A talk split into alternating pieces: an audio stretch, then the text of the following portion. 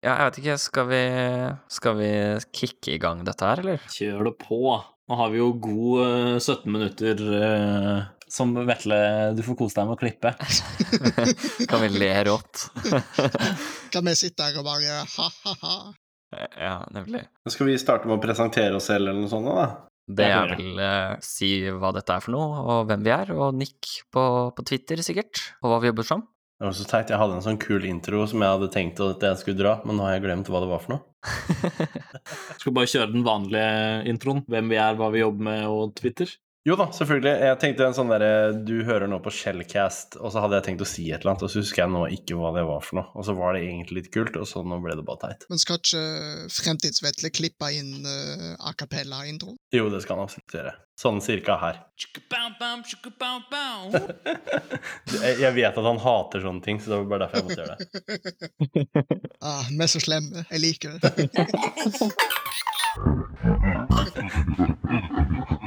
Men da, du Morten, kan vi kanskje starte med å introdusere deg selv? Skal jeg ta, ta det helt fra, fra toppen, da, kanskje? Det kan du få lov til å gjøre. Får vi det ordentlig? Åh, får jeg lov til det? Ja, Jeg føler, nå, nå det. føler jeg at jeg på en måte tråkker inn i Nei, territoriet her, liksom. det. Gjør det.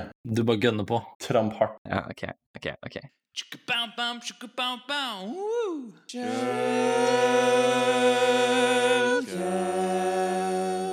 Hei og velkommen til denne episoden av Skjellkast. Jeg heter Martin og er ny på denne podkasten her. Jeg tar over for Melvin, som har vært ute i skauen og høgd trær. Han er sliten og kunne ikke være med, og da stepper jeg inn. Jeg jobber som eh, pentester, og eh, du finner meg på Twitter på MRTN og så et nitall. Det er meg. Eh, Dere andre, da? Vi har med litt flere her. Jeg heter René, og jeg jobber med sikkerhet i staten fortsatt. eh, Og du finner meg på Twitter som at Particle Void. Jeg eh, heter Alexander, og eh, jeg eh, jobber i eh, vanlig IT-firma, men er sterkt sikkerhetsinteressert. Eh, Du finner meg under Er det en ting på Twitter. Jeg er Eirik, jobber som penetrasjonstester i privat sektor, og du finner meg på Twitter under 0xsv1. Perfekt. Vi kan jo ta opp eh, Vi fikk noen eh, vi fikk noen eh, positive tilbakemeldinger fra forrige podkast, så jeg tenkte vi egentlig bare kunne kicke i gang med de. Vi fikk eh, fra Hans Petter Fjell på Twitter,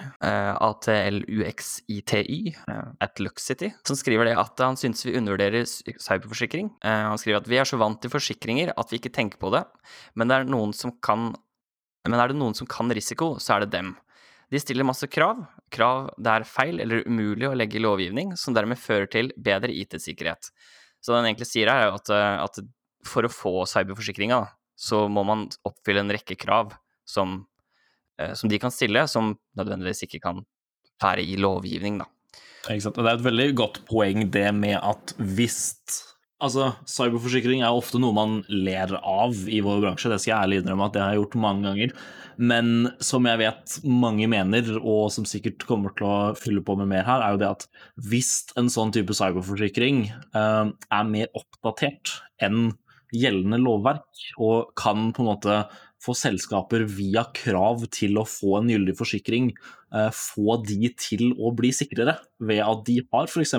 by default, eller som minstekrav har 2FA eller MFA, så er jo det kjempebra. Altså, Mitt syn på, på dette her med cyberforsikring er vel egentlig det at det, det er ikke noe i veien at vi har det, og at det, at det stiller noen krav og sånt. Og det som jeg er litt urolig for i forhold til dette med cyberforsikring, er det at det faktisk skal være nødvendig å stille de kravene som, som de gjør i forhold til forsikringsavtalene. Og, og ikke minst det at eh, de som ikke forstår grunnlaget til hvorfor disse tingene her blir, eh, blir satt som krav, tenker det at å, men da vi hør, hører vi på de som eh, skal gi oss forsikringa, og så lenge vi krysser alle disse boksene, da er vi trygge. Jeg har ingen tro på det der med at vi krysser av alle boksene, og så er vi trygge. Det, det, det bærer liksom ikke noen plass i, i forhold til sikkerhet. Nå er jeg egentlig enig med, med begge to.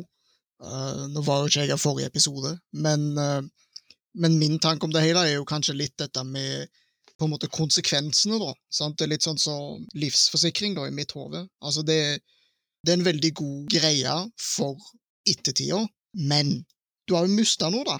Sant? Altså, OK, nå sier si du blir utpressa, eller sier noen sprer bilder av deg på nett, da. Så er det det som skjer. Og så får du forsikringssummen din, then what? Altså, OK, nå har du penger, men du har på en måte mista noe du aldri kan få tilbake igjen, liksom. Det kan ikke fikses, det kan ikke gjøres sånn. Det Hans Petter hint, eller sier her, er jo også altså at eh, en cyberforsikring vil jo i mange tilfeller, litt sånn som at en innboforsikring krever at du har en et eller annet eh, godkjent lås på døra di, så vil jo det at de f.eks. krever at du har eh, MFA, forhåpentligvis føre til bedre IT-sikkerhet. Og du skal jo for all del ikke bruke på en måte en cyberforsikring, som jeg selvfølgelig ser for meg at mange gjør, som en unnskyldning for at å ja, vi er sikre når, hvis vi tegner XYZ-forsikring. Men i mange tilfeller så fører det nok til bedre IT-sikkerhet, da, som Hans Petter skriver. Ja, og det, og det er jeg helt enig med. Min erfaring med, med cyberforsikring er også at det, disse forsikringsselskapene knytter til seg et sterkt fagmiljø som faktisk driver med hendelseshåndtering. Så pengene går ikke rett i lomma på bedriften som holder denne forsikringa. Pengene går egentlig til hendelseshåndtering og blir egentlig betalt fra forsikringsselskap til, eh, til hendelseshåndtererne direkte, da. Så, så, du på en måte du, du, får ikke en sum bare for å, for å liksom Ok, du blei ble eid, her er det penger. Altså det blir Her hjelper vi deg, vi betaler kostnaden for, for hendelseshåndtering. Ja, og det, og det, er jo en veldig god ting, for da enten Altså, da kan jo vanlige forbrukere gjerne få tilgang til noe som før kanskje var litt låst bak en pengevegg, og det samme for små bedrifter. Så det er jo veldig positivt, det har jeg ikke tenkt på. Ja, så er det jo en slags kvalitetssikring av at de som driver med hendelseshåndtering, vet hva de gjør, da. For da slipper du liksom drive og google etter når, det, når stuff er eh, i, i, flammer, så slipper du å sitte og google et liksom 'Best Incident Handlers Norway', på en måte. jeg kjenner at jeg har sendt oss det ut i et litt sånn der minefelt her.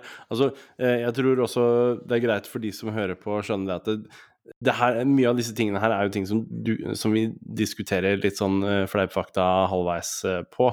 Så klart så er, det, så er, det, fint å ha muligheten til å forsikre seg mot noe. Jeg tror Problemstillinga er vel egentlig det at man har blitt så vant til at man kan forsikre seg mot ting, sånn at man på et eller annet nivå slipper å tenke selv. Og Det er vel egentlig det som, det som var poenget mitt når vi, vi snakka om, om, dette her sist. At vi er så vant med at vi, vi kan på en måte betale oss ut av problemstillingene våre. Og, og det kan, det må, vi, vi må ikke venne oss til at det er en mulighet. Det som uh, Siden sist uh, så har vi også, fikk jeg også inn en uh, melding på, via Discord fra en kar som heter Jan Erik. Og han lurer på om vi har noen tips i forhold til hvem vi kan følge i Infosec, som da på diverse plattformer. Som kunne, fordi at da de som sitter og hører på, som kanskje ikke er helt innført i Infosec-verdenen ennå, kan få noen gode tips å følge. Så har dere, dere karer som, som, er litt sånn bevandret i sosiale medier og, og Twitter og den slags, eh, har, dere noen, har, dere noen, tips? Skal jeg ta min sånn topp uh, kjappe fire her? Kjapp tapp Oi, kjapp topp fem blir det her, da. Eh, hvis du vil ha sånn generelt sett eh, gode retweets og nyheter om så å si alt som rører og beveger seg på Infosec Twitter, i hvert fall, så ville jeg fulgt eh, at NettBiosX. Han er eh, godt kjent for å så å si bare følge med på alt som kryper og rører seg, og har utrolig mye bra. Så funker litt sånn som en sånn nyhets-retweet-dump. Uh, videre så har man at Spot the Planet. Uh, han driver iRed, eller ired.team. Uh, så det er da en URL, så gå inn på ired.team. Kanskje en av de beste cheat-cheatene på internett til pentesting og red-teaming, vil jeg si. Også veldig god ressurs. Skriver jo også da det meste av det selv. Videre så Oi, nå angrer jeg sterkt på at jeg åpna han her, men videre er reverse shell, som er 40, eller 424F. 424F på Twitter. Uh, han er en ekstremt flink uh, infosec-fyr og driver Discord-kanalen Hack the Planet og også streamen Hack the Planet anbefales å følge. Videre så vil jeg si Oddvar Moe fra Trusted Sec, kollega nå da kommende av Melvin. kanskje en av de flinkeste og mest profilerte infosec-personlighetene i, i, Norge. Og ekstremt flink på Windows, LOL-bins etc., så verdt å følge. Så legger vi den lista her i shownotes, da, selvfølgelig. Det skal vi gjøre. Jeg Tenker jo generelt sett, jeg har ikke noen sånne spesifikke personer å følge, men uh, sørg i hvert fall for at du er på Twitter. Uh, det er mitt sånn beste advice. Uh, der alt skjer på Twitter for tiden. ok, kanskje litt på Discord, men, men det er Twitter det er, som gjelder for, for infosec-verdenen, i hvert fall. Og hvis du begynner mm. å følge folk, så skjønner jo Twitter hva du er interessert i, så får du se mer retweets og sånn av andre folk, også. kan du begynne å adde, adde folk på følgelista. Det har jo gått bort en gyllen mulighet til folk å følge på Twitter, og det er jo da selvfølgelig å begynne med oss, og så kan du se hva vi liker og hva vi retweeter, og så vil det jo balle seg på derfra. Det er et godt poeng. Vi, eh, vi liker mye kvalitet.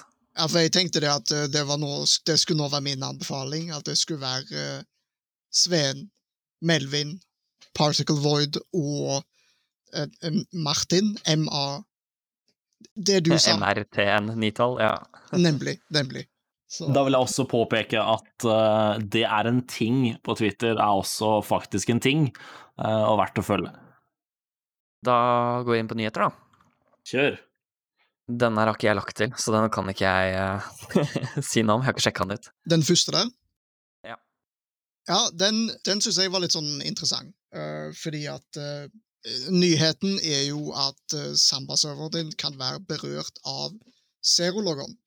Uh, og Zerologon var jo en greie i AD, der en prøvde å logge seg på x antall ganger, og så bare plutselig fikk en lov å logge på av en eller annen grunn. Bra design. Mm. Forklarer det godt i forrige to episoder siden, er det vel? Ja. ja stemmer. Det, stemmer. Noe sånt. Uh, men nå viser det seg jo at SMB-servere uh, inkludert Linux-servere òg, eller Linux-versjoner, òg kan mm. være berørt av Zerologon. Så det er Jeg hadde jo lyst til å sette meg ned og si ha-ha, det er Windows sin feil, men uh, nå viser det seg at det er en, en universal ting, og kanskje en, et implementeringsproblem nå. Det er ganske interessant. Og det er jo fordi Samba, eller uh, altså SMB, er jo Altså sterk overdrivelse, men copy-paste av den eh, nettlogon-autentiseringsprotokollen eh, der. Så de har jo det, Ja, de bruker jo den samme protokollen, og da er jo i framtil nyeste versjonen av eh, Samba også sårbar for det samme. Det har jo blitt sluppet en patch til det, er verdt å nevne. Så sitter dere på noen Samba-versjoner som er eldre enn 4.7, er det vel? Så oppdater. 4-7 og nedover. Så fra 4-8 oppover så, så, skal de ha Er det fiksa? Ok. Vi snakka jo om uh, Zero-logon-sårbarheten som uh, kom for noen uker siden. Den har vi allerede snakka om, men i en tidligere podkast. Men nå har det da altså kommet en mer pentest-vennlig versjon, altså proof of concept, fra Dirkian. Mm. Som ja, altså, jeg, jeg, har ikke helt satt meg inn i den her, men jeg regner med du, Eirik, har oss dekket på dette? Eh, ja, han har jo Altså, Dirkian har jo siden Zero-logon, eller den første Zero-logon, Pukken, eh, ble sluppet, eh, dypdykka godt inn i hvordan den funker, og skrev jo en av de første sånn, altså første andre weaponized uh, pukkene som ble sluppet utenom den uh, initial scanneren. Og det han har funnet ut av her nå, er jo også, som man har tweeta litt om, er jo hvordan man kan weaponize zero-logoen til å ikke være like destruktiv som jeg og Melvin snakket om for et par episoder siden.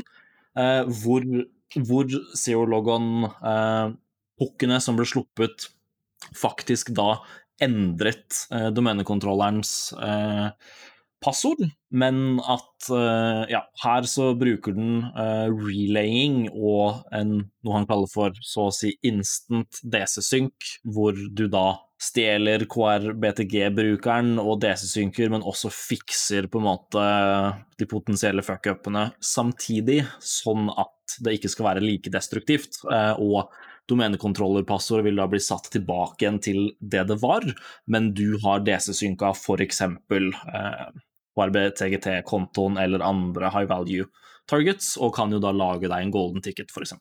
For Forskjellen her er jo at uh, den krever Den har litt mer uh, mer eh, requirements, eh, og krever jo at man har en gyldig domenekonto på domenet du skal penteste, og i forhold til den, eller de andre pukkene som ikke krever noen ting. Perfect. Jeg tenker det var beskrivende nok, jeg.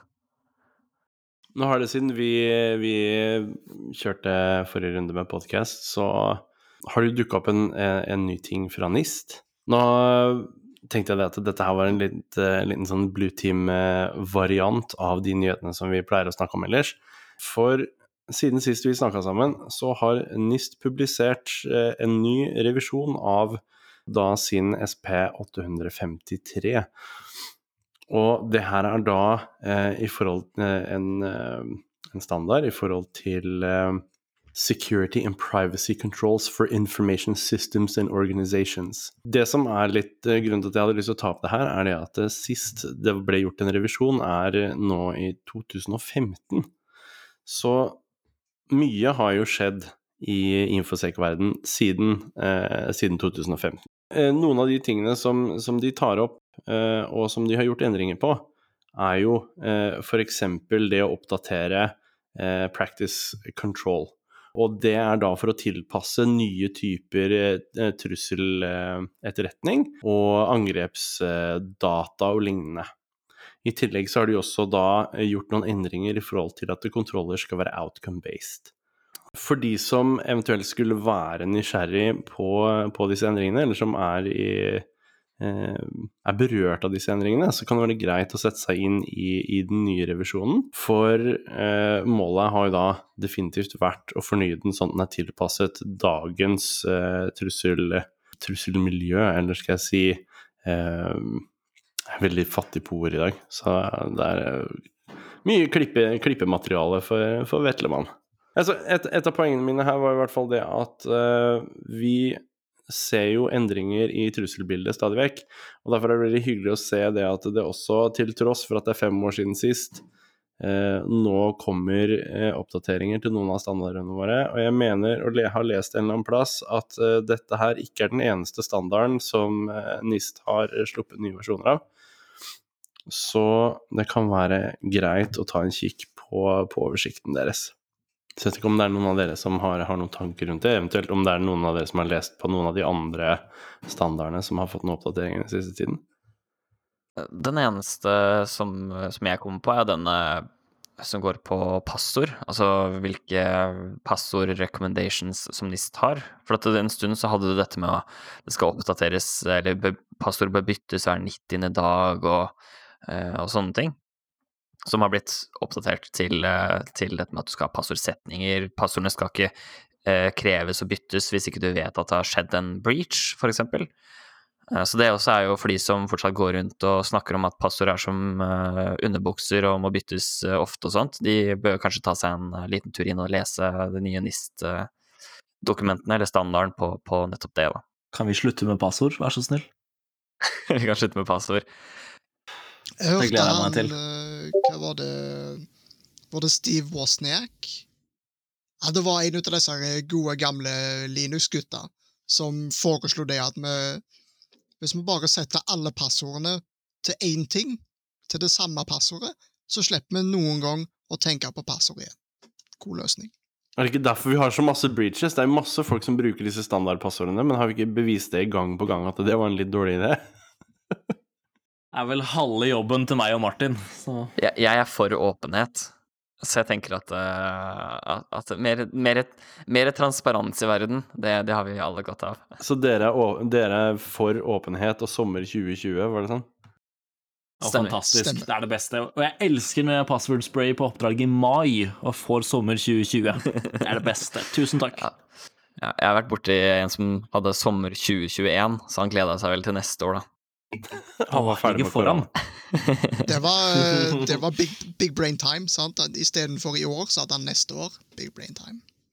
Veldig, Men veldig bra. Så, for å spinne kjapt tilbake igjen på det med NIST og sånn, nå har jeg ikke noen kommentar der, for den har jeg ikke lest. Men jeg må si jeg er eh, litt imponert over hvor på ballen amerikanske myndigheter har vært på å altså, hva skal man si, eh, på markedsføringskampanjene deres, og hvor eh, frampå i hvert fall de er i medier med, med sikkerhet eh, for tiden. Jeg vet ikke om noen har sett eh, blant annet altså CISA, eller Cyber Security and Infrastructure Security Agency i USA, som jeg ikke visste var en ting for ikke så altfor lenge siden. US-cert, egentlig, også. Ja, ikke sant? Ikke sant? Mm. Og de, de pusher jo veldig på, og hadde jo annet en, liksom, en, en ordre om at uh, selskaper innenfor kritisk infrastruktur skulle patche zero logon eller fjerne uh, berørte domenekontrollere fra domenene sine. Uh, så, så ja, jeg må bare kommentere der at jeg er imponert over at de som dessverre er liksom en av lederne i, i vår bransje, også er såpass frampå nå da, med å sikre seg. Og vi ser jo økte trusselbilder fra både Russland og Kina, så det er bra, tenker jeg. Nå husker jeg ikke hvem det er som har Jeg lurer på om det er US-cert også, som er veldig flinke på skada og rapportere om eh, Mm. Jeg mener det er CISA, faktisk. Altså, ja. eh, De er veldig, veldig frampå på det. eh, Så det, det er imponerende. Det, vi skulle, det er nok hva skal man si, eksempel til etterfølg, etterfølgelse. Absolutt, og de har jo gått ut og rett og slett tweeta og, og ropt veldig mye om ting som har skjedd i deres eh, Altså innenfor deres domene i USA i det siste. Og ja, det, det må vel være CISA, eh, som er da Cyber Security and Infrastructure Security Agency i USA. Mm. De har snakket veldig mye om Power Grid og altså, VPN-er som har blitt hacka i det siste til offentlige etater, f.eks. i USA, etc. Så Jobber du i staten i Norge med sikkerhet, ehm, vær så snill å være litt mer åpen om sånt her også. Ja, for det lurer jeg på. Vi har jo en del sånn strøminfrastruktur, og vi driver jo Vi har mye olje og gass, og spesielt Vestlandet er jo alt mulig sånn. Eh, så jeg lurer på Er det noen som vet om det er noe vi har ei greie for her i Norge, eller er det bare sånn litt på gefühlingen? Jeg vet at eh, Kraftsert i hvert fall er veldig frampå med sånne advisories når det kommer, eh, når det kommer ting eh, som kan berøre norsk infrastruktur på, på strømsiden, da. Eller på kraftsiden, i kraftsektoren. Ja, Norge har jo flere eh, sånne CERT-organisasjoner eh, mot spesifikke sektorer. Så, så det fins mange, mange mer og mindre kjente CERT-er rundt, som sitter rundt omkring og kartlegger trusselbildet og varsler eh, og, og iverksetter eh, tiltak når det skjer noen ting. Så er jo spørsmålet mitt litt sånn Er det, er det greit at disse miljøene For de er veldig lukka sånn som det er nå, da. Så hvis du ikke driver med kraft, så på en måte blir du ikke inkludert i Kraftsert sine, sine varslinger, f.eks.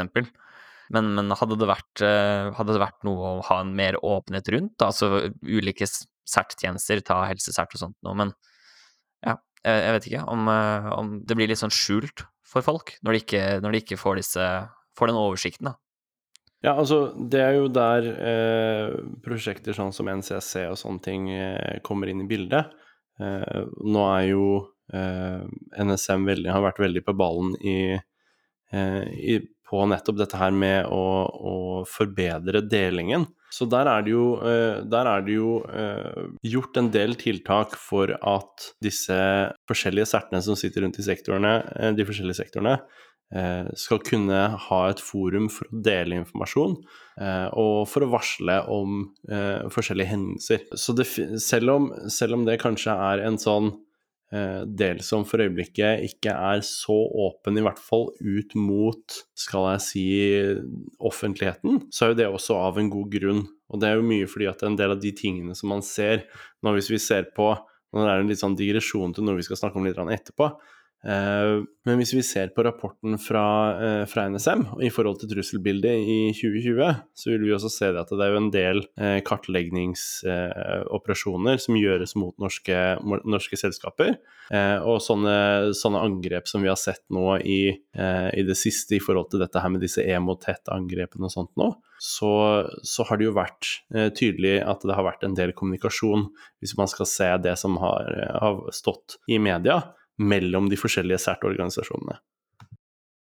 Nå har det seg sånn da at Folkehelseinstituttet har kommet på banen igjen og sagt at eh, vi har lyst på en ny smittestopp-app.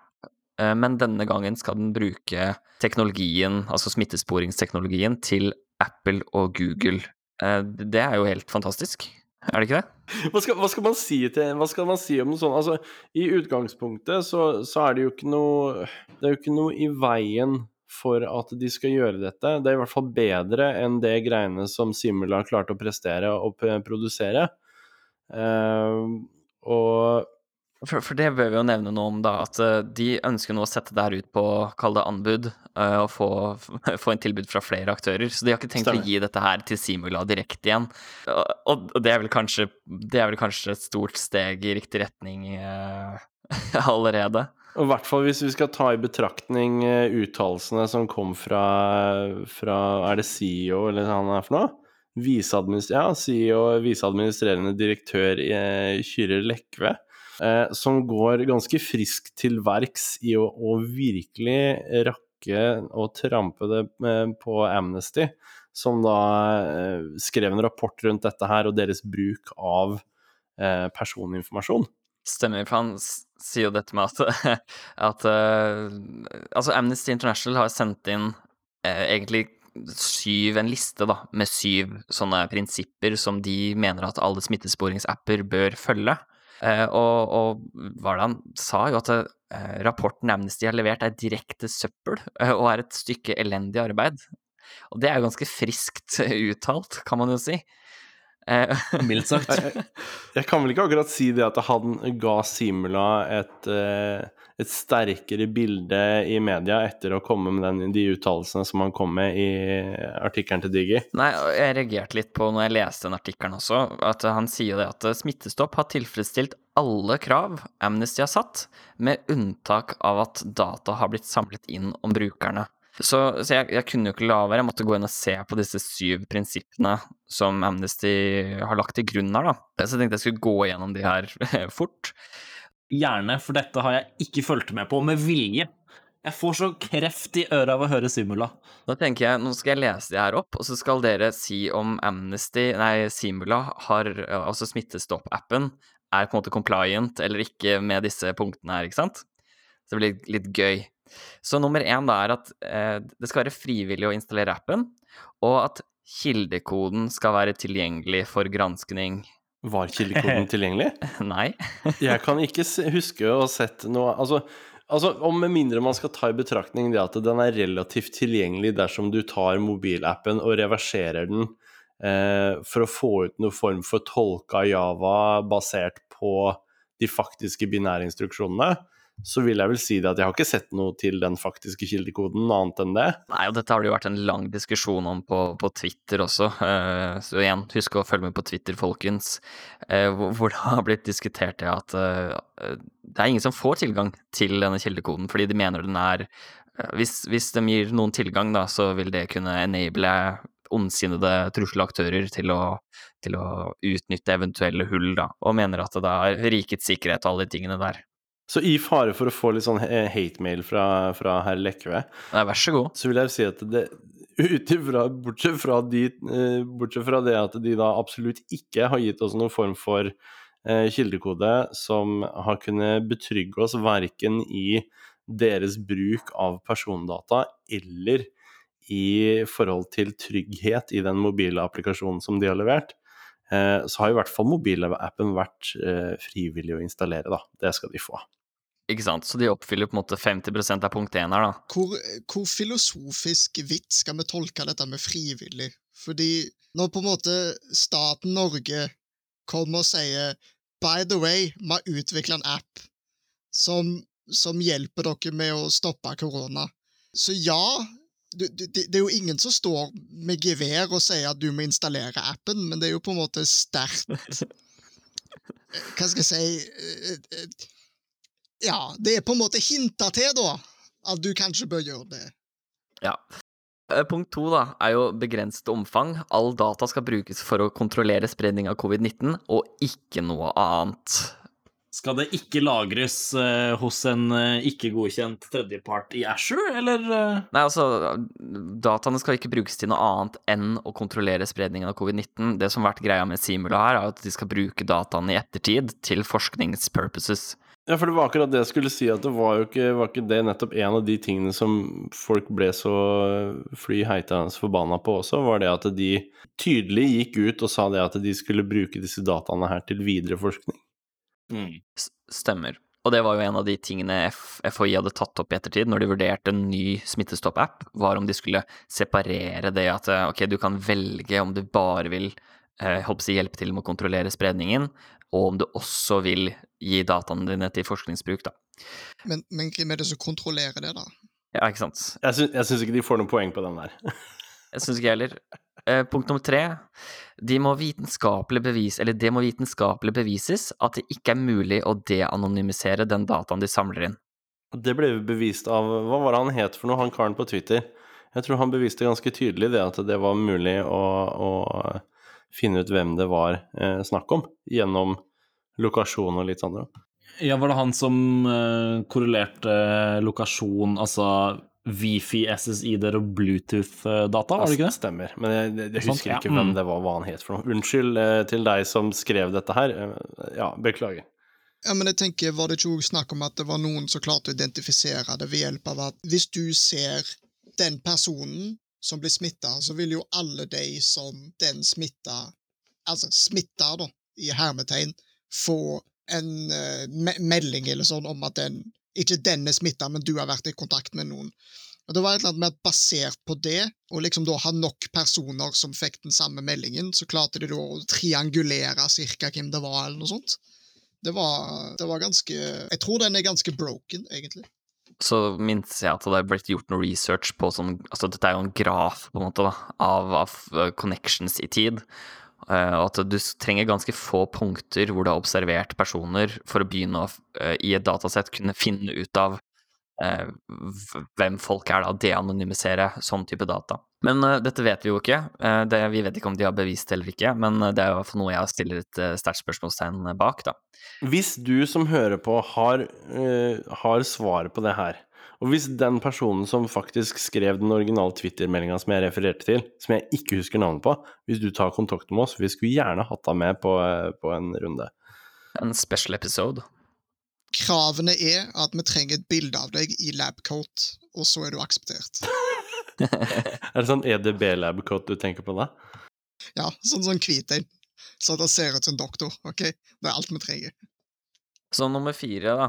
Ja, appen må være i tråd med relevant lovgivning, med eh, personvern fremst i fokus, og at minst mulig data skal samles inn og lagres sikkert. Hvor mye data var det egentlig som ble Det var jo ganske mye som ble lagra, var det ikke det? Det var jo mye om enheter og Ja, for det var jo både Wifi Stemmer jo både Wifi og blåtann og dette med enheter. Så var modellnummer på telefonen. Det var et par sånne felt som, eh, som plukka med seg, som jeg forsto er unike for enheten også. Ja, Det kan jo være for å lage en hash av mobilen din, da. For eh, på en måte lagring eh, i database.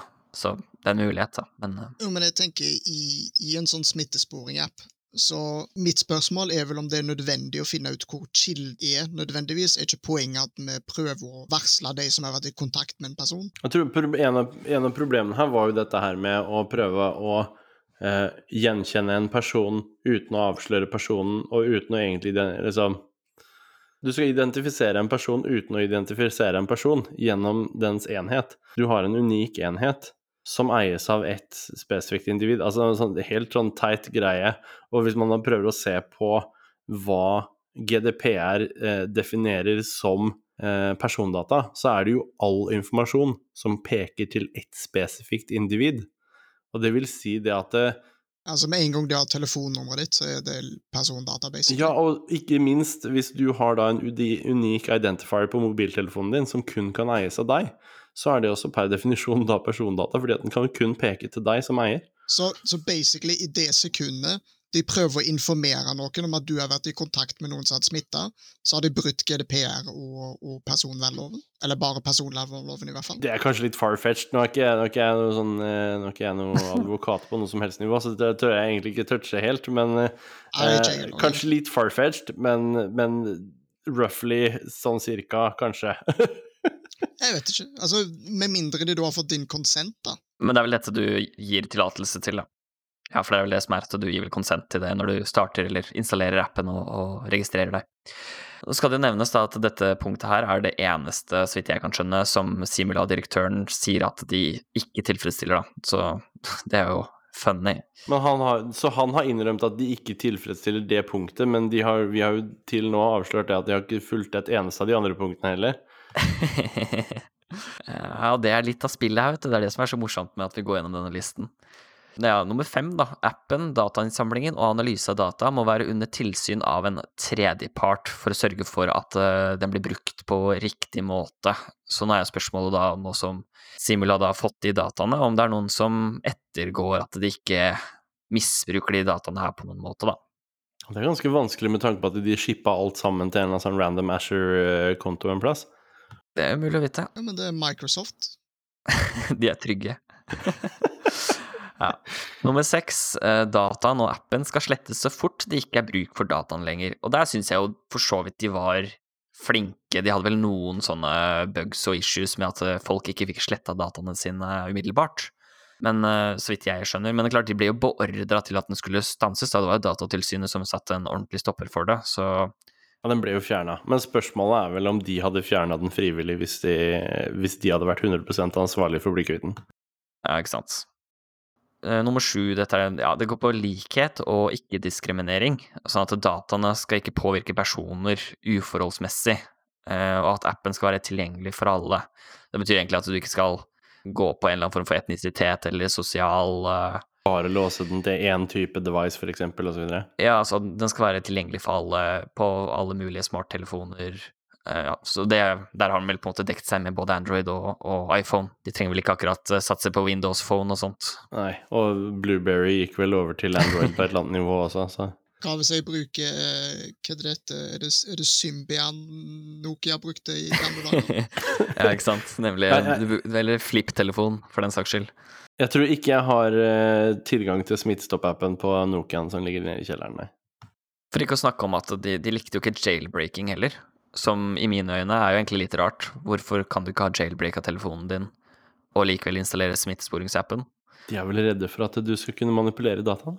Ja, nei, det, men det kan du jo uansett. Det er jo bare å omgå den uh, sjekken som sjekker om du har jailbreaka telefon telefonen eller ikke. Så ja, det er, litt, uh, det, det er noen ting du ikke skal forsvare deg mot, du skal bare anta at folk kan gjøre, og det er vel en av de. Ja, men dette har vi snakka om tidligere i episoden. Da har de sjekka boksen, de sjekker om du er jailbreaka, og da er de sikre. Ja, ikke sant. Ja, det var den uh, lista. Jeg vet ikke Av sju så vil jeg vel si kanskje de bryter med, ja, skal vi si fem? Ja, det, jeg syns det hørtes ut som det var fem av dem som de var i klart eh, helt tydelig at de bryter med. Ja, så, og så var de kanskje litt ufrivillig at de faktisk besto en av dem. Fordi at der ble jo applikasjonen faktisk fjerna. Ja, så jeg vet ikke Det ble ikke bingo, og jeg vet ikke Jeg vet ikke, Kanskje Stimula-direktøren bør ta seg en ny runde og lese den rapporten, fordi eh, det sto ganske svart på hvitt, eh, dette her, altså. Han trenger ikke sende noe e-post til oss heller, for det går rett i dev0. Riktig. Så NSM gir ut et helhetlig digitalt risikobilde, eh, og dette her gjør de årlig som en rapport. Og da har de kommet nå ut med en del eh, informasjon i forhold til eh, norske risikobildet digitalt for 2020. Og jeg vet ikke om det er, no, er det noen av dere som har vært igjennom hele rapporten der? Jeg har bare skumma den, faktisk. Samme. Ja. Det som vi ser her, da, som kanskje ikke er eh, for noe særlig, som noe særlig overraskelse, er jo da at eh, covid-19 er en stor del av den rapporten. Og det vi ser, så det NSM sier her, er det at de, de ser jo at det er mange Altså risiko- og trusselbildet har jo tatt form etter det vi ser i forhold til covid-19 eh, over hele verden. Og i den sammenheng så har vi bl.a. Eh, ser, ser en økning i bruk av løspengevirus mot norske selskaper. Og det har vi vel også kunnet bekrefte ved å bare ta en kikk i, i media i, i, løpet av det siste halvåret som har vært. Eh, I tillegg så ser vi også en annen ting som har vært omtalt i media i forhold til andre land. Det er også det at det er en eh, større eh, aktivitet rundt dette her med kartleggingsaktivitet. Altså da dette her med å, å, samle informasjon om norske selskaper og lignende, som da gjerne er statlige aktører som, som står for. Og det er vel kanskje ikke noen overraskelse. Jeg vet ikke hvor mye dere har, uh, har lest rundt på, på nyhetene det siste, siste, halvåret, men jeg syns dette, dette, høres ganske likt ut i forhold til hva jeg har sett uh, skjedde i, i, andre deler av verden også. Altså, ja, absolutt. Ja, nei, jeg tenker egentlig at uh, dette er på en måte the ultimate bad guy move. Fordi jeg, jeg tenkte litt på det, jeg satt og leste shownotene. Og hvis vi tenker på det, hvis du har hjemmekontor, så har du liksom ikke Du har ikke tilgang til kollegaene dine på samme måten, så du kan liksom ikke lene deg over til sidemannen og så du, er dette en weird mail? Um, så, så, tenk deg da, hvis du får bare en, en mail, og, det, og, alle får sikkert mye mer mail nå òg, fordi at vi er på hjemmekontor, så alle må enten kommunisere via en eller annen kommunikasjonsapp eller mail eller sånne ting, så da blir det plutselig mye enklere, altså det å nå folk via et sånt phishing-greie, eller sånn løsepengevirus, er sikkert så mye lettere, pluss at hvis du krypterer PC-en til noe, så er det så mye verre, for de kan liksom ikke bare komme inn på kontoret og bytte den, eller snakke med, med, med, med helpdesk eller sånne ting like lett.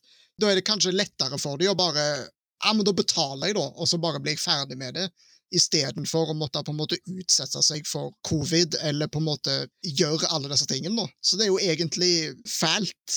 Det er helt grusomt. Uh, men det er òg egentlig ganske smart. Jeg tenker jo også at, uh, som Alexander sier der, at når man sitter på hjemmekontor, uh, og i hvert fall vi som jobber litt mer offensivt, har jo sikkert sett og hørt mange kunder som er usikre på dette med altså sikkert hjemmekontor, og man har jo sett at så å si alle konsulentselskaper har jo brukt denne perioden kanskje på å pushe sin egen agenda litt med å hjelpe folk med å få opp ja, sikre hjemmekontor etc.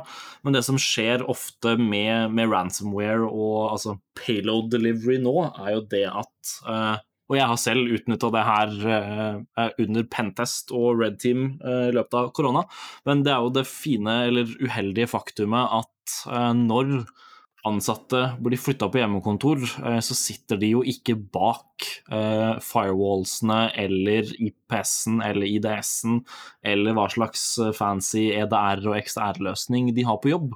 Og det er jo definitivt mye enklere å på en måte ta tak i et, et target på privaten, og så misbruke deres tilgang inn i nettet, enn det ofte er å få tilgang direkte til nettet deres.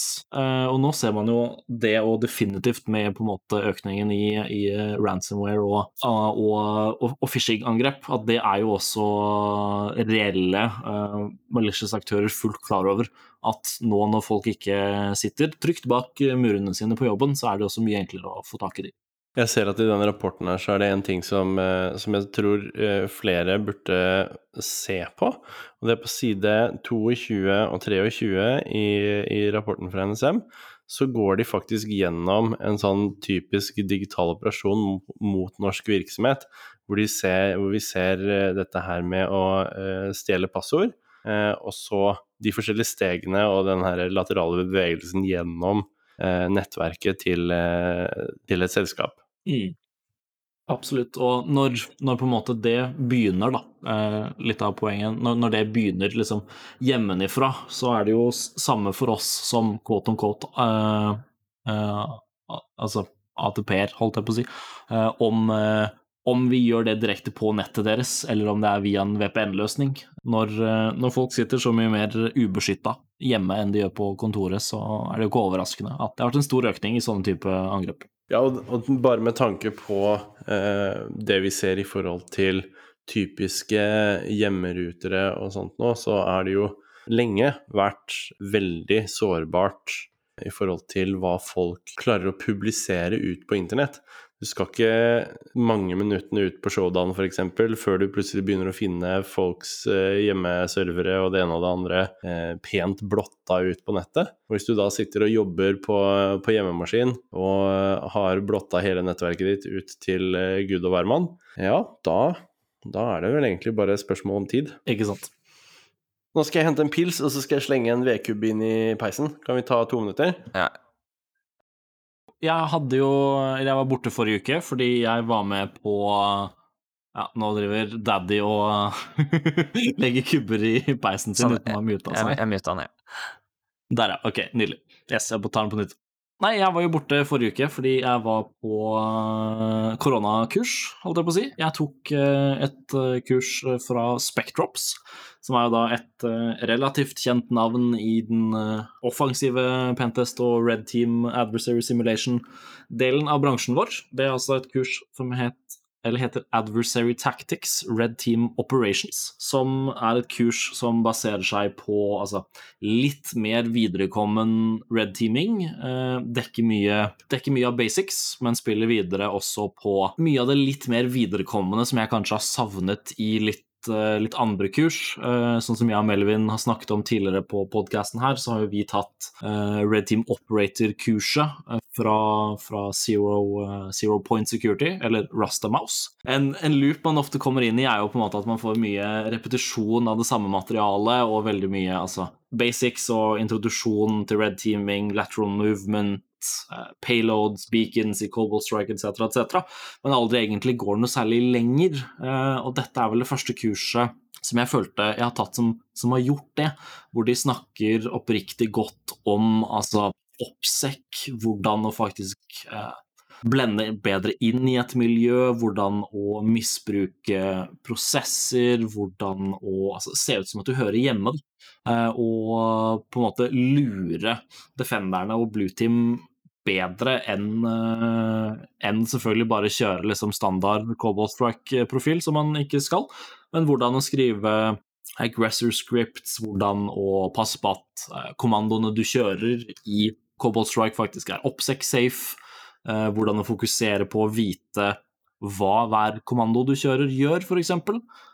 Sånn som forskjellen på, på, shell og run, hvor, hvor run faktisk Nei, hvor shell som kjører faktisk eh, kommandoen på Eller altså kjører CMD og så kommandoen du spesifiserer, i motsetning til Run, som vil gå inn i system 32 og kjøre binaryen i seg selv. Eh, sånne ting da, som gjør det mye mer eh, OPSEC-safe, og bruke ting som fokuserer på Win32 API, blant annet. Men også god liksom, lateral movement, kutyme.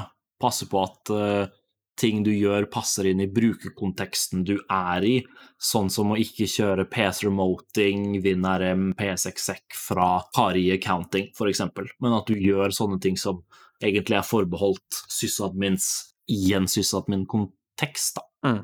Uh, og videre, videre så hadde man jo uh, en defensive Dette kurset var fire dager. Ehm, så hadde man jo en defensive debrief på dag eh, to, tre og fire, hvor man fikk se eh, Hvor de hadde en dedikert blueteamer eh, fra Spectrops som satt og fulgte med på, på laben, og et eget utvikla ikke fullskala uh, EDR software, men uh, i hvert fall sånn at du fulgte med på en måte tradecraften du hadde i laben, og ga deg pointers på om dette var dårlig, om dette var bra, uh, etc. Og ja, nei, jeg følte det var givende og definitivt uh, et av de bedre kursene jeg har tatt på, på sånn type red team tradecraft. Ikke sant. og jeg tok dette kurset på Black Hat i fjor, så jeg har vel tatt egentlig samme kurset kanskje litt litt utdatert i forhold til det du har tatt nå.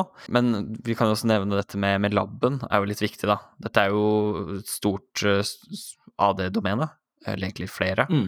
uh, som uh, hver blir delt opp i teams, og så får du da i oppgave å, å pivote deg gjennom domenet og finne flagg, da, som du mm. poster i et sånn ZFD-scoreboard. Mm, riktig. Jeg sitter jo og hører på dere nå og snakker om disse, disse kursene og, det, og, og, sånt, og så tenker jeg det at eh, dette her er definitivt noe som er for litt sånn viderekommende før, før, vi holdt på med, med å skrive, skrive shownotes for, for podkasten, så, så, sitter jo jeg på, på fritiden og, og, jobber med eh, CPPT, som både Eirik og Tobias eh, fullførte nå den, var det den uka her. Ja, riktig. Vi fikk eh, gratulerer-mailen, holdt jeg på å si, fra Elearn Security nå på mann. Ja, for, for, jeg tenker at eh, vi som eh, vi i Shell eh, er vel mildt sagt en lett interesseorganisasjon som flere av oss har tatt flere kurs eller sertifiseringer og, og, den type ting. Men det er, ikke, det er, kanskje ikke, så lett for alle som sitter på utsiden og hører på at vi sitter og skravler, som kanskje eh, er så godt kjent med forskjellige kurs.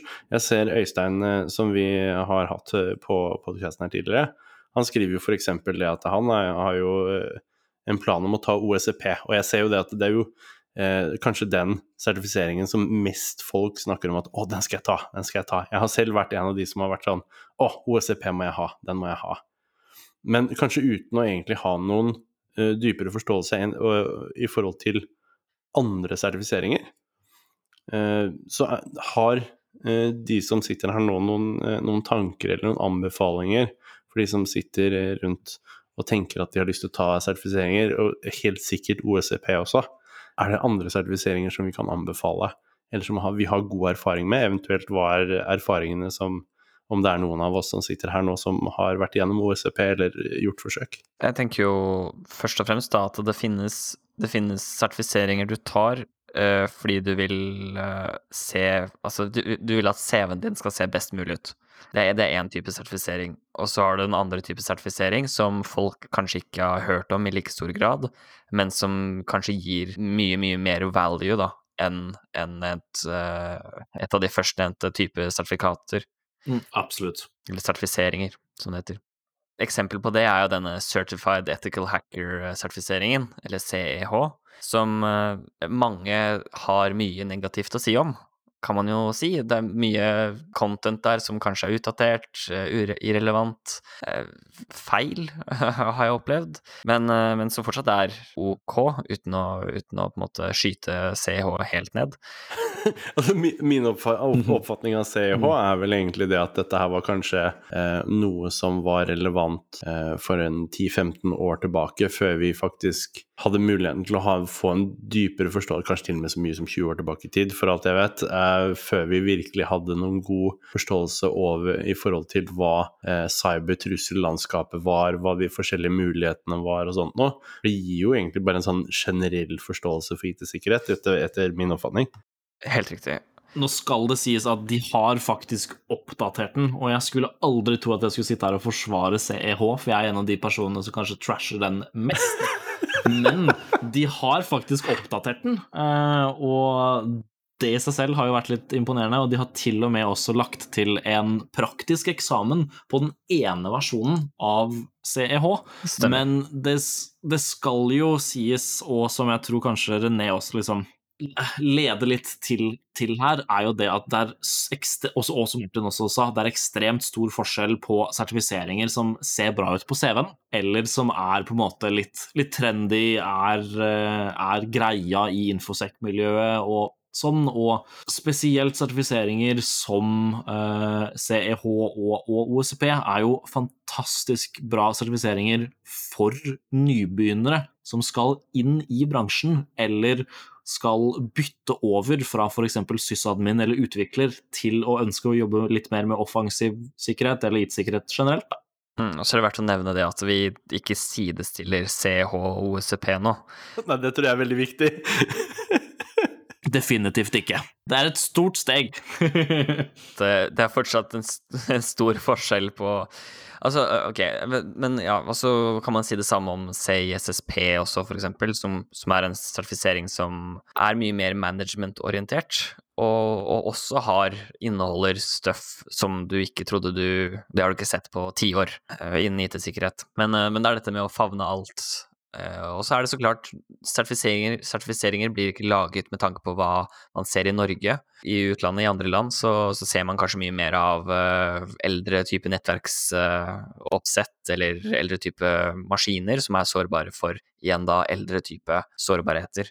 Så det det, det, er litt, det er nok litt tricky å lage en sånn, sånn uh, sertifisering som er liksom perfekt for nybegynnere, som gir deg all den informasjonen du trenger, uten å, uten å ta for seg ting som i hermetegn er utdatert. Da. Jo, nei, men sånn, hvis, vi skal, hvis vi skal se på det på en litt sånn annen vinkel for noen som er, eh, er helt nye, som har lyst til å få mer eh, kjøtt på beinet, eller som er viderekommen og som får, har lyst til å videreutvikle seg. Har dere noen tanker rundt hva som kan være viktig å se etter i en sertifisering for å oppnå det man faktisk ønsker seg, utover å bare kaste seg etter disse kjendissertifiseringene, om jeg skal tørre å kalle dem det? Jeg vil jo spille tilbake igjen på det Martin sa der innledningsvis på, på den topicen her. Det er jo Skal du ta denne sertifiseringen du har sett for deg for å få en jobb du har lyst på, eller på en måte gjøre et karrierebytte, eller vil du lære noen ting? Har det på en måte noe å si for deg om sertifiseringens navn og tittel er så fancy og flashy på CV-en, eller vil du faktisk lære noen ting, da? Ja, for spørsmålet er liksom, Hvordan er det du finner disse som faktisk gir deg noe utover bare å skulle få noen skinnende stjerner i boka på CV-en? Det er litt vanskelig å si, da. Mye av det blir på en måte igjen lansert på Twitter eller lignende og, delt i de kanalene der, som eh, fra, personligheter som, som, er anerkjente, da. Ta liksom uh, Zero Point Security og Rastamouse sin, uh, sin R2 kurs og sertifisering. Mm. Den er jo kjent gjennom Altså, Rastamas er jo på en måte kjent gjennom eh, Gjennom Hack the Box sin Rasta Labs, og, eh, og, og, har over tid da bygd seg opp et rykte for å være god. Det er kanskje derfor mange prøver å få tilgang til den sertifiseringa. Ja, nei, Det blir jo samme med, med, med Spectrops-kurset eh, som, uh, som, du og jeg har tatt. og uh, Vi tok jo også, um, vi tok jo også et uh, Advanced Attack Infrastructure-kurs f.eks. På, på Hackcon tidligere i år. og Det er jo liksom, det er jo word of mouth, og det er jo altså konferanser.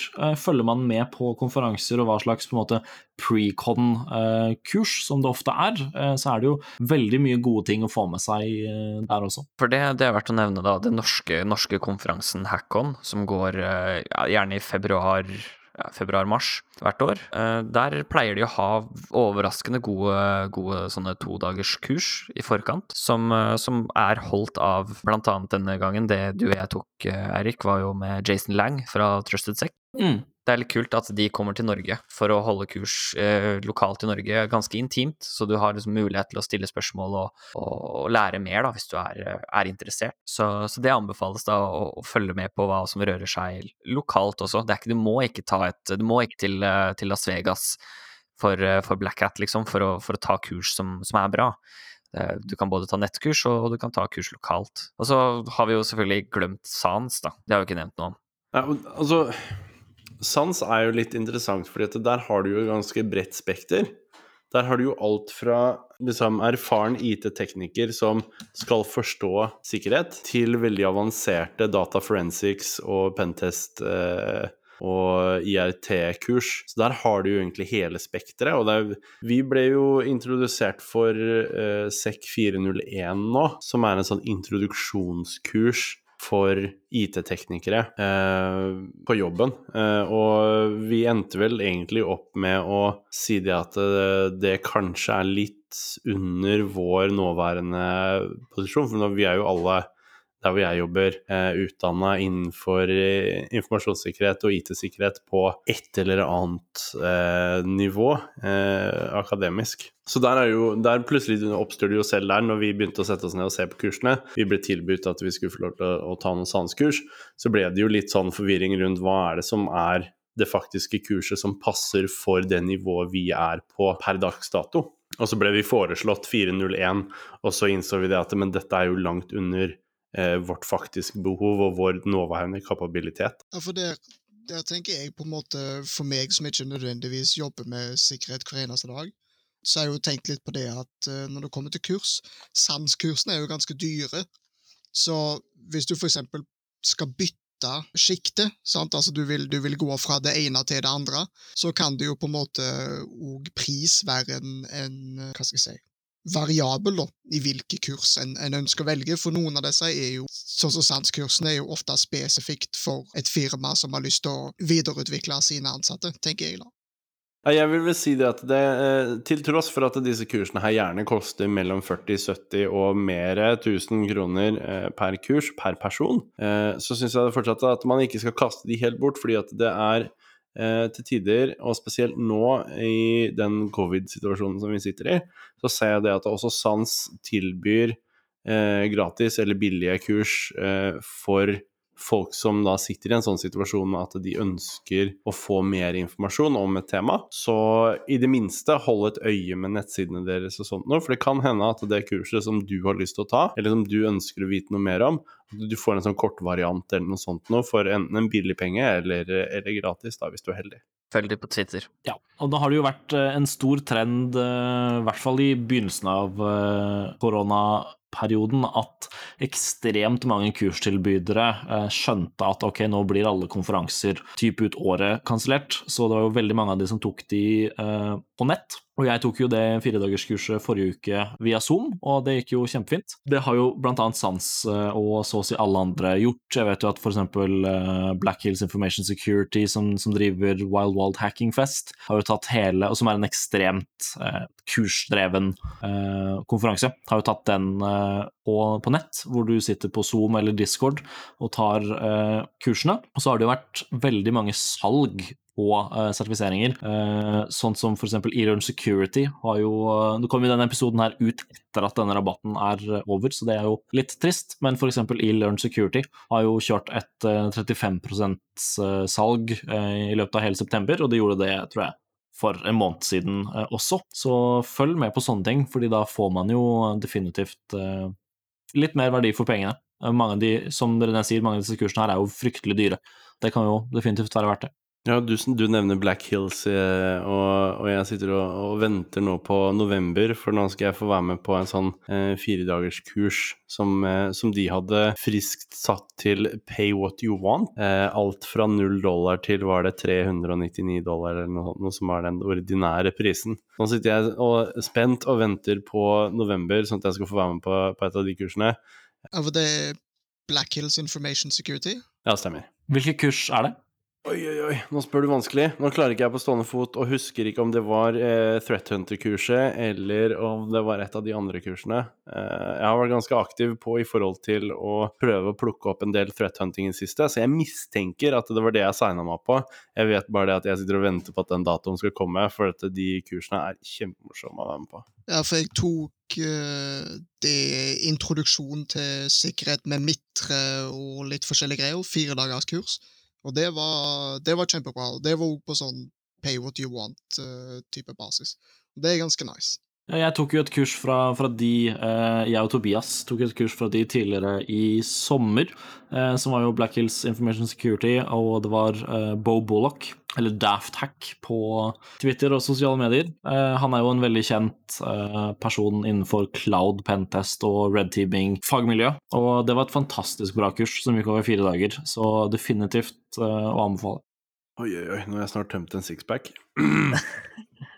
Nå er vi straks på halvannen eh, time her, altså. Men det å Segway for oss selv, det var jo eh, Bo Bullock, eh, eller Daftac på sosiale medier, slapp jo også et nytt Cloud Pentest-verktøy i går, var det vel, som er, som er et verktøy som skanner altså on-prem og, on og cloud-baserte Microsoft-løsninger som uh, Microsoft 365, Office 365, SharePoint, uh, Active Directory on-prem etc., etc., for uh, discrepancies eller inconsistencies i tofaktor- eller MFA-løsninger, som, som, da betyr at du kan ta dette verktøyet og, og gi det gyldige credentials til et selskap du pentester, eller et selskap du har lov til å teste, si f.eks. fra Blueteam-perspektiv, og så vil du da skanne gjennom alle offentlige tjenester som disse credentialsene på en måte har tilgang til fra det åpne nett, hvis det gir mening. Sånn at du kan se om Hvis dere f.eks. har eh, MFA på, på Asher eller på altså OVA eller eh, ja, 365-portalen deres, men dere har glemt å skru av f.eks. Uh, altså en eller annen legacy uh, autentisering, eller at dere har uh, Exchange Web Services API f.eks.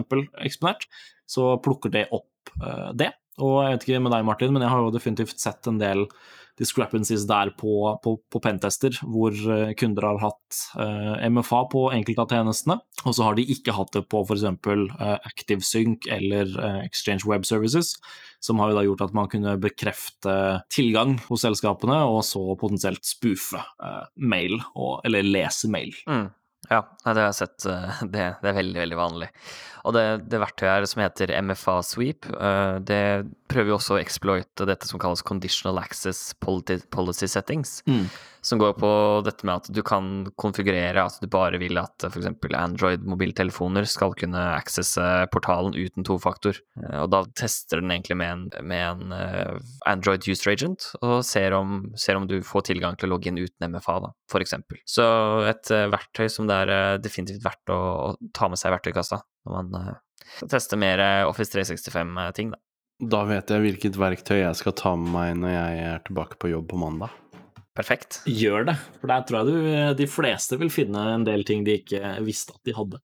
Det har kommet updates til Ghostwriter, og det er kanskje ikke så kjent for alle, men Ghostwriter er et SpectreOps-verktøy som egentlig er eh, en slags sånn rapportering slash loggførings eh, Kall det portal, kanskje, for eh, red-teamere. Som eh, egentlig samler all informasjonen om en red team engagement i, i ett sted, sånn at du kan lage rapport, pene rapporter og sånt noe av det etterpå når du skal fortelle kunden din hvordan du eide dem. Så der har det kommet litt, uh, litt uh, nye ting i både grensesnitt og uh, dette med å ta inn operasjonslogger. Edgar, har har du lekt, eller har noen av dere egentlig lekt med Ghostwriter?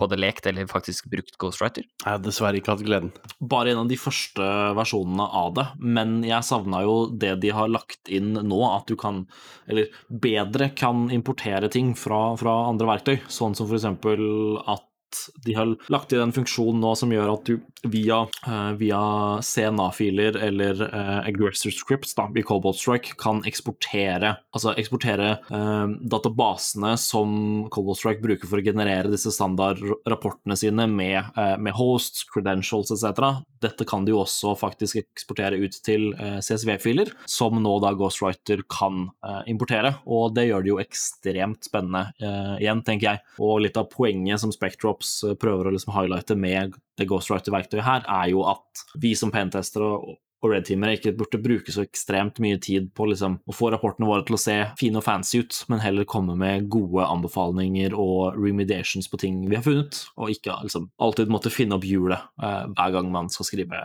en rapport. Og en liten anekdote til det. Er det, er det ett eh, program jeg virkelig misliker, så er det Word. Uh, Word har uh, Altså, alle de gangene jeg har blitt uh, Holdt på å si Ja. Alle de gangene Word har svikta meg, det er altfor mange. Enten det er å skifte fonter til gresk, eller om det er å tulle med indenteringer, eller whatever. Så, så å bruke sånne verktøy, det, det hjelper veldig. Jeg håper Word ikke er i tullsettet mitt om noen år lenger. Ja, det var det jeg lurte på type Innenfor akademia så er jo Latek brukt mye. Markdown har jeg sett litt spredt her og der. Uh, er det noen alternativer til Word, egentlig?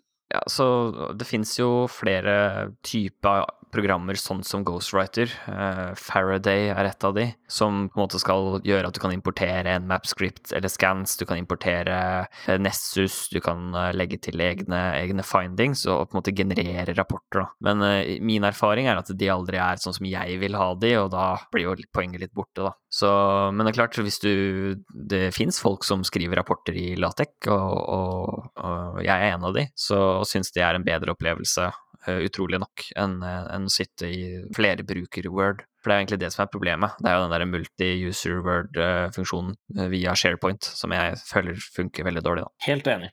Helt enig. Det er jo, og dessverre, som, som pentester og, og red-teamer, så er vel kanskje Altså, det var faktisk noen som spurte meg eh, for en stund siden at ja, hva, hva, slags verktøy er det du bruker? Liksom sånn klassisk, ikke er helt eh, inne nødvendigvis i, i, bransjen, men litt sånn smalltalk og sånn. Og så er det jo ja, hva slags verktøy er det du bruker mest? Det er Word. ja, nemlig. Word og Excel er uh, verktøyene til yep. enhver pentester. Yes. Mitt mest brukte verktøy.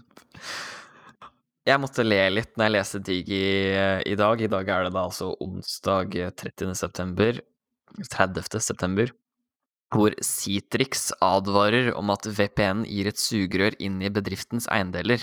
Eh, og, og det er jo ja, som sagt, jeg måtte le. Jeg syns det er passe ironisk, med tanke på at den de gangene vi har utført utside-til-innsidetest på kunder, så er det som regel Citrix som er veien vår inn. Hva, hva andres yep. erfaring rundt dette her? det var egentlig det første jeg tenkte, var det at det her er jo hysterisk ironisk. Her har du noen som eh, påpeker at deres egen plattform er den beste veien å angripe enhver av deres uh, kunder. Jeg har et uh, ekstremt tragisk eksempel der fra, fra, tidligere i år, hvor jeg gjorde en uh, red team mot, mot, et norsk selskap, hvor De hadde eh, 2FA, eller MFA, på så å si alle Microsoft-tjenestene sine. Men som garantert Martin og mange andre som lytter i dette feltet, du, du ser den komme allerede, Ja, ikke ja, ja. sant? Eh, du har MFA, du kjører opp MSOL-spray eller hva nå enn uh, utsidesprayverktøy du finner, og bare nei, de har MFA på så å si alt her, søren tute. Og så, ja, etter at du har kjørt uh, crt.sh eller hva nå enn eh, rutine man har for å finne andre tjenester de har, så ser man jo åh, vpn.selskapsnavn.no eller .com eller whatever. Og så går du inn der, så er det jo Citrix, og du har jo via dehashed eller spraying etc. Eh, klart å finne noen kontoer, og så, så er det Citrix, og du kommer rett inn uten eh, noen som helst av eh, hindringer der. Og det skal også da nevnes at i det samme oppdraget så var det noen som hadde klart å faktisk eh, gi tillatelse for domeneadministratorkontoen i Foresten til å ha tilgang over Citrix. Um, så, Oi, oi, oi. Ja, det er, det er en fantastisk verden vi, vi lever i. Nå skal du nevne da til slutt der at Citrix har støtte for uh, tofaktor, og, og for guds skyld vær så snill å skru den på, selv om, uh, selv om folk klager over at de må skrive inn en, en kode fra SMS eller lignende. Altså, ikke, ikke gi vær så snill. Ikke gjør eh, dagen til Martin og, og Eirik for enkel, er vel egentlig det du vil si her. Gjør litt, gi, det, gi dem en utfordring, for de kommer inn allikevel. Vi er, vi er lei av eh, de samme feilene hele tiden, så kjør på. Men eh, folkens, nå har vi holdt på ganske lenge, og jeg tror Fremtidsvetle kommer til å ta livet av oss hvis vi fortsetter. Ja, han sa halvannen time. Han har fem minutter med mordmateriale. Og vi har fortsatt ett punkt igjen som vi skulle holde til slutten, for vi hadde fått post, var det sånn? Det, det har vi.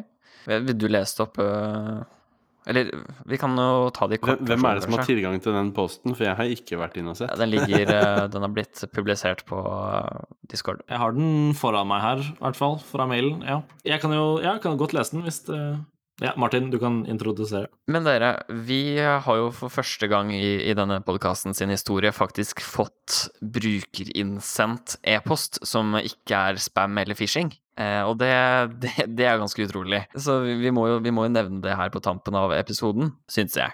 Ja, det er veldig gøy. Eh, Vi har fått en eh, vi har fått en e-post fra en lytter som, eh, som skriver Og dette er en lengre e-post, så, så bear with me, men det var en veldig god, interessant e-post, eller innlegg her også. Vi har da en lytter som, som ber om og hvis vi bruker dette i, i en kommende podcast-episode, kun henvise til vedkommende med, med fornavn. Så det skal vi selvfølgelig respektere. Vi holder jo på med IT-sikkerhet og sånn her, så Peter skriver altså da Hei, long time listener, first time writer osv. Digger podkasten og håper dere holder på i lang tid. Det håper jeg også, Peter. Men skal vi se Sist podkast tok Vetle opp et problem med sikkerhetstesting og bank-ID. Siden dette kom fra en annen diskusjon om bank-ID og, legers innlogging, syns jeg diskusjonen ikke kom på det viktige sporet som Vetle forsøkte å finne frem til. Eh, Peter har da jobbet som pentester i fem år og har flere ganger hatt en problemstilling der jeg skal teste et system som er sikret bak bank-ID-loggen. Om jeg skal teste appen i produksjon, må jeg da gi fra meg min private login og gjøre alt som min offisielle person. I dag har ikke BankID i Norge i hvert fall, eh, noen løsning for å lage testidentiteter i produksjon, og min erfaring er, eller i min erfaring er det aldri godt nok å teste en applikasjon i, i test eller utviklingsmiljø, da de ofte ikke er uh, godt nok sikre ofte ikke er i god nok skikk eller uh, identisk med produksjonsmiljø. Dersom man logger inn og begynner å hacke med den offisielle identiteten sin, kan jeg se for meg mange uante konsekvenser. Hva om pentesting-aktiviteten forårsaker nedetid, eller noe skjer samtidig som man holder på, og noen på SOC slash eh, CERTen identifiserer aktivitet fra deg som pentester personlig? Peter skriver videre er det ikke vanskelig å se om bankkonto-ID-en din da blir sperret. Hva er konsekvensene av dette, selv om det er en misforståelse eller du gjorde det eh, altså med full lov fra jobb? Eh, Selv har jeg ikke villet risikere dette mens jeg har jobbet, og har dermed nektet å bruke personlig identitet eh, under alle slike oppdrag. Det er jeg helt enig med eh, Peter. I tillegg kjenner jeg noen som har sagt at det er greit for dem personlig, og dermed logget inn. Peter da følger opp her med med hva er deres tanker, erfaringer med dette? Er det innafor at arbeidsgiver krever at du gjør noe som kan få konsekvenser for deg personlig utenom, utenfor arbeidet? Selv syns jeg BankID og de andre identitetstilbyderne i Norge bør legge til rette for at alle som implementerer løsningene deres, slik at applikasjonene kan testes i produksjon, og at man ikke da må bruke sine private bank-ID-er eh, eller lignende autentiseringsplattformer for å gjøre penetrasjonstester eh, på de. Alternativet eh, er at applikasjonene har en ekstra autentiseringsmekanisme, eh, men da får man ikke testet den reelle autentiseringen, og i tillegg øker angrepsflaten til applikasjonen, som er da signert Peter. Jeg syns jo det at Peter har et veldig, veldig godt poeng her. Og det å faktisk stille krav til at noen skulle kunne utsette seg selv for potensielle problemer, som i det scenarioet som, som, Peter beskriver, burde i, i dag være unødvendig. Så at, uh, at ikke det er mulig å, å generere en type konto som, som, som kan brukes i sånne situasjoner er vel kanskje litt spesielt nå i, i 2020. Det hadde jo selvfølgelig vært veldig hyggelig å få høre fra eh, noen som utvikler BankID, eller som har noe på noe sånn overordna eh, bedre forståelse for hvorfor det er som det er per nå. Eh, få litt mer innsikt der. Jeg mener vel personlig at ikke det burde være noe nødvendig at man utsetter seg selv for problemer. I så fall så burde arbeidsgiver Eh, kunne stille 100 eh, og backe personen som det eventuelt skulle gå utover. Jeg, eh, min erfaring med dette Jeg har testa en del applikasjoner som er bak bank-ID-login, og det har alltid vært i, i testmiljøer. Uh, av den hensikt at uh, det har vært vanskelig eller uh, i dette, denne problemstillingen som Peter tar opp, da. at, uh, at, man skal bruke sin egen identitet for å teste noe som er i, i prod i utgangspunktet, jo, kan man jo spørre seg om, om er riktig også. Så, så, så min uh, jeg, jeg ville egentlig bare krevd Altså, hvis du først altså, Hvis du i utgangspunktet bruker bank-ID, da, så bør du kanskje være moden nok til også å ha ha et, et dev-miljø som, som, er relativt realistisk, og at du da kan benytte dette når du gjennomfører testing. så er det en utopi, da, sikkert, men uh... Absolutt. Uh, det som faktisk skal, uh, skal, legges til der, er at min arbeidsgivers navn er vel kanskje litt mer kjent i Sverige og Danmark, og vi har gjort en del tester for, for svenske eller nordiske selskaper som, som bruker den svenske versjonen av BankID. Og hvis man går inn på https-test.bankid.com, så er det faktisk mulig eh, der å altså, bruke testkontoer og fake personnumre, til og med, eh, for å utføre tester. Så det er jo mulig, men jeg har ikke noe godt svar på hvorfor dette ikke er implementert eh, i Norge, men i Sverige og Danmark. Nå har jeg sett at den bank-ID-varianten som du snakker om der, med, med sånn testmiljøer og sånt nå, de har vel sett som applikasjonsutvikler. Men de vil også da ikke fungere i et produksjonsmiljø. Så, Nei, det vil de ikke. Så, så da er jo, det, da er jo den herre eh, problemstillinga igjen da eh, hvor, hvor, realistisk er testmiljø? Og for alle som har vært utviklere og sånt, så vet man jo det at testmiljøene ofte bærer veldig eh, store mangler i forhold til eh, realisme, i forhold til hva det er som ligger ute i produksjon. Og det kan være alt fra at de bruker ting som er helt ekstremt bleeding edge, f.eks., av rammeverk og, og, biblioteker og sånne ting, til at dataene kanskje ikke matcher det som ligger inne i, i produksjonsmiljøet, og ja, det finnes masse, masse, interessante varianter der. Så det er jo Skal man, skal man være tvunget til å teste i et testmiljø, eh, så, så ser jeg jo det at i, i forhold til sikkerhet, så er det viktig at det er så identisk produksjonsmiljø som mulig. Eh, men eh, av erfaring så vet jeg også det at det er veldig vanskelig å få testmiljøene og produksjonsmiljøene til å være eh, mest mulig identiske.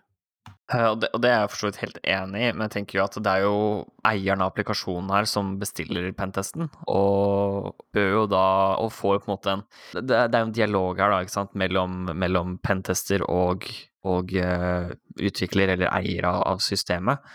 At man da har en klar plan på, på hvordan man skal løse disse problemstillingene. da. Og om det er Ja, nei, jeg vet ikke. Nei, forresten. Vetle, klipp dette. Det burde vel rett og slett være en del av skåpet?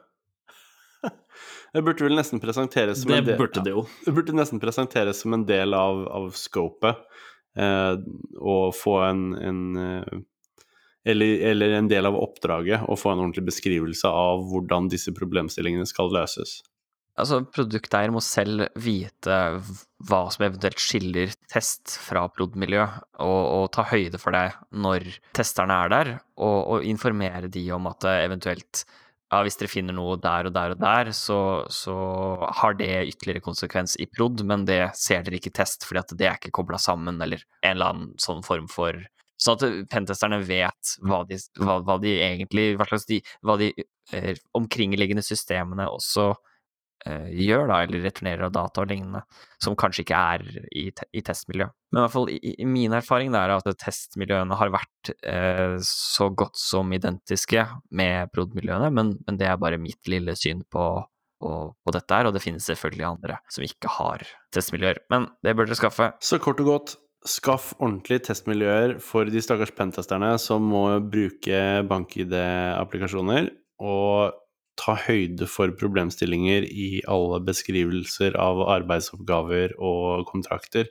Så blir det, blir det i minste litt mindre hårrivende, hårreisende og frustrerende for de som skal sitte og teste ting. Enig. Good. Veldig bra. Tusen takk for eh, lesebrev. Ja, det er kjempemorsomt. Send gjerne flere lesebrev. Ja, vi kan jo egentlig avslutte på den. Vær så snill, hvis dere har eh, lesebrev, send det inn til podcast at 5h3ll.so. Det er da skjell i Leadspeak, hvis du vil. Bidrag, spørsmål. eh, vet Melvin alltid spør etter eh, nakenbilder, det skal ikke jeg gjøre. Men eh, hvis dere har eh, Ikke gjør det. Nei, ikke gjør det. Send det til oss på Twitter hvis det er noe dere lurer på eller har, har innspill til. Og ses neste uke. Sounds good. Kjempebra. Bam! Det var pow! Det gjør vi. Og Da tror jeg det er på tide å begynne å uh, stoppe recording. Nei, nå er det aftershow, Ja, så nå nå- skal vi ha en time til med, med innhold. Nei, nå, nå, klikker det fra, nå klikker det for Fremtidsvetle, og jeg må pisse, så Ja, ok, jeg noterer meg Jeg kjenner det at jeg er redd for den hagla til ja, Vetle Nei, nå. sto- stopp recording.